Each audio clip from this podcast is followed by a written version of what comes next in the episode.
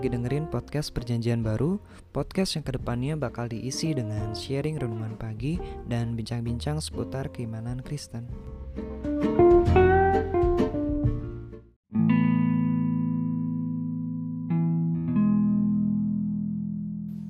Murid Yesaya 50 ayat yang keempat Tuhan Allah telah memberikan kepadaku lidah seorang murid supaya dengan perkataan aku dapat memberi semangat baru kepada orang yang letih lesu.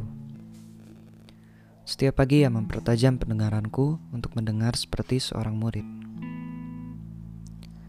Lidah itu organ yang lemah, tapi bisa buat orang menderita sakit yang enggak terhingga.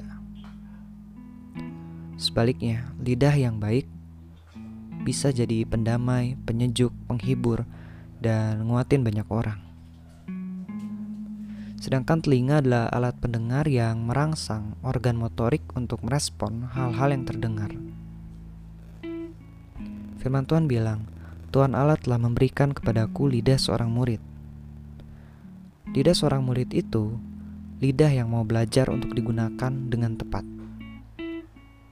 Lidah yang gak terlalu cepat untuk berkata-kata dan juga tahu saat yang tepat untuk berhenti berkata-kata lidah yang gak digunakan untuk membantah, tapi diajar untuk mengikuti kehendak Tuhan. Demikian halnya dengan telinga yang mendengar seperti seorang murid. Itu telinga yang menyimak dengan benar arahan, maksud, dan tujuan dari Sang Pencipta. Kalau lidah merespon dan meresapi, maka telinga menerima dan memberikan respon. Kalau telinga nggak mendengar dengan baik, maka organ lain bakal merespon dengan keliru, kemudian menghasilkan dosa. Kalau gitu, maka kedua organ ini harus benar-benar ditundukkan di bawah kuasa Tuhan. Firman Tuhan bilang bahwa memiliki lidah dan telinga yang baik hanya terjadi kalau kita tinggal di dalam Tuhan Yesus yang memberikan pengajaran yang sempurna tentang gimana menggunakan lidah dan telinga dengan baik. Lidah yang baik memberikan harapan yang benar dan bukan PHP.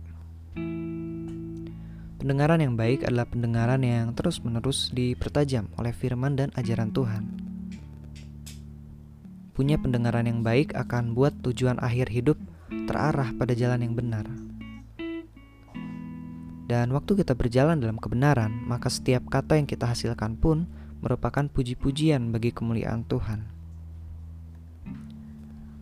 keselarasan antara apa yang didengar dan apa yang dikatakan, yang dinyatakan di dalam sikap hidup sehari-hari, itu yang jadi ciri seorang murid Tuhan.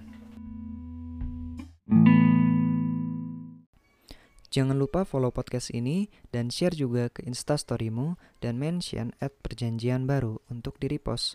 God bless.